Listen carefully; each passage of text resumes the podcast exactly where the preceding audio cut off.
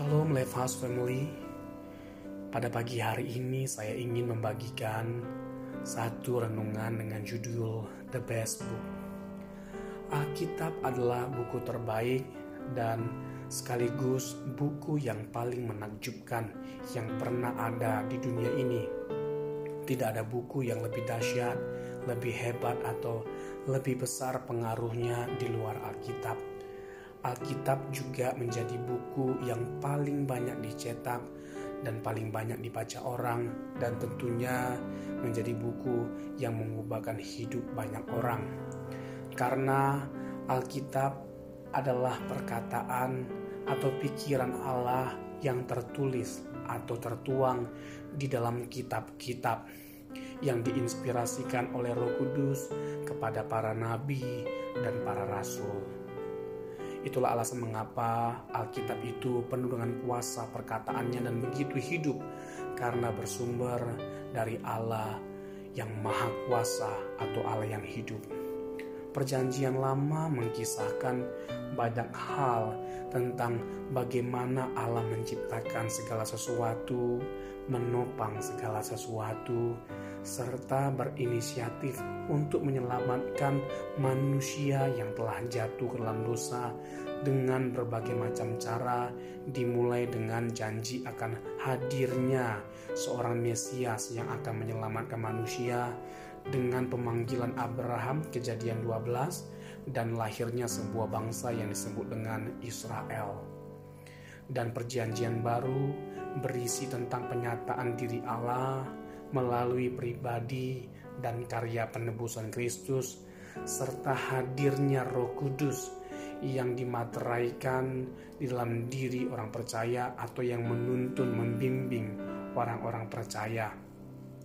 Bayangkan Bapak Ibu kalau Alkitab tidak ada, maka tidak mungkin kita bisa mengenal atau mengetahui dan diberkati dengan semua kisah-kisah yang menakjubkan ini.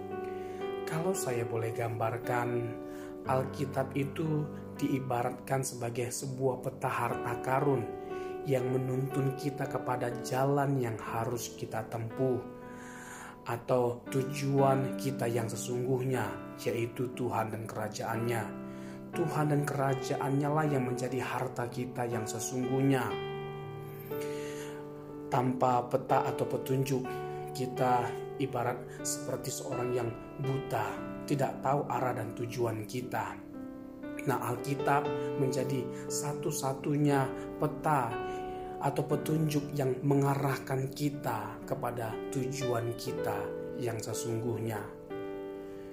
Alkitab juga sebagai satu-satunya sumber yang bisa dengan benar, dengan tepat, dan dengan sempurna memberitahukan siapa kita, apa tujuan kita, bagaimana kehendak Allah, kerinduan Allah di dalam diri kita, dan bagaimana kehidupan di balik kematian.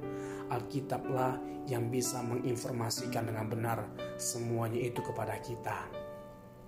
Kalau kembali saya boleh gambarkan, Alkitab itu ibarat sebuah cermin yang memperlihatkan keburukan dan kebersalahan kita selama ini.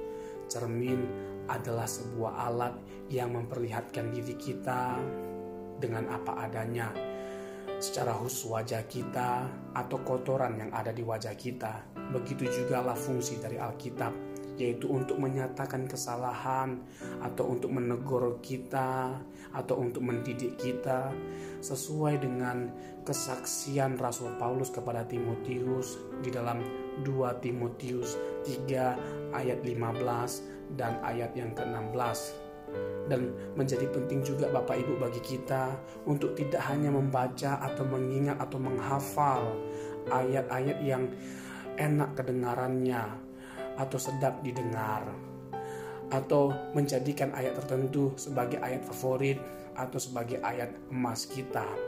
Semua ayat itu harus menjadi ayat favorit bahkan yang terdengar keras sekalipun atau sesuatu yang dengan keras menegur kita itu justru harus menjadi ayat favorit bagi kita atau menjadi ayat emas bagi kita semuanya ayat emas dan Allah menghendaki untuk kita mengetahui membaca, merenungkan, dan menghidupi semuanya.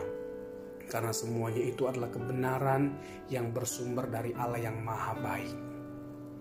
Seseorang yang ingin bertumbuh di dalam iman dan mengalami perubahan hidup, maka ia harus membuka dan membaca Alkitabnya Semakin sering kita membaca firman Tuhan, semakin pikiran kita, hidup kita, karakter kita diwarnai oleh firman Tuhan. Apa yang mewarnai hidup kita bergantung pada apa yang mewarnai pikiran kita, atau apa yang kita masukkan ke dalam pikiran kita. Untuk itu, menjadi penting bagi kita untuk memasukkan firman Tuhan setiap hari di dalam pikiran kita, supaya hidup kita digerakkan oleh Injil, dikendalikan oleh firman Tuhan, dan kita menjadi surat Kristus yang terbuka bagi banyak orang, atau banyak orang melihat Kristus di dalam diri kita. Mengapa kita harus membaca Alkitab? Karena melalui pembacaan firman Tuhan, kita dikuatkan untuk menghadapi dunia yang semakin buruk dan tidak menentu ini. Alkitab menjadi buku yang menghibur kita, memotivasi kita, menguatkan dan meneguhkan iman kita, dan membuat kita bisa kuat menghadapi dunia yang tidak ideal ini. Biarlah kiranya kita berkomitmen untuk setiap hari membaca Alkitab dan bukan hanya membacanya, tapi kita berjuang untuk menghidupinya. Tuhan Yesus memberkati.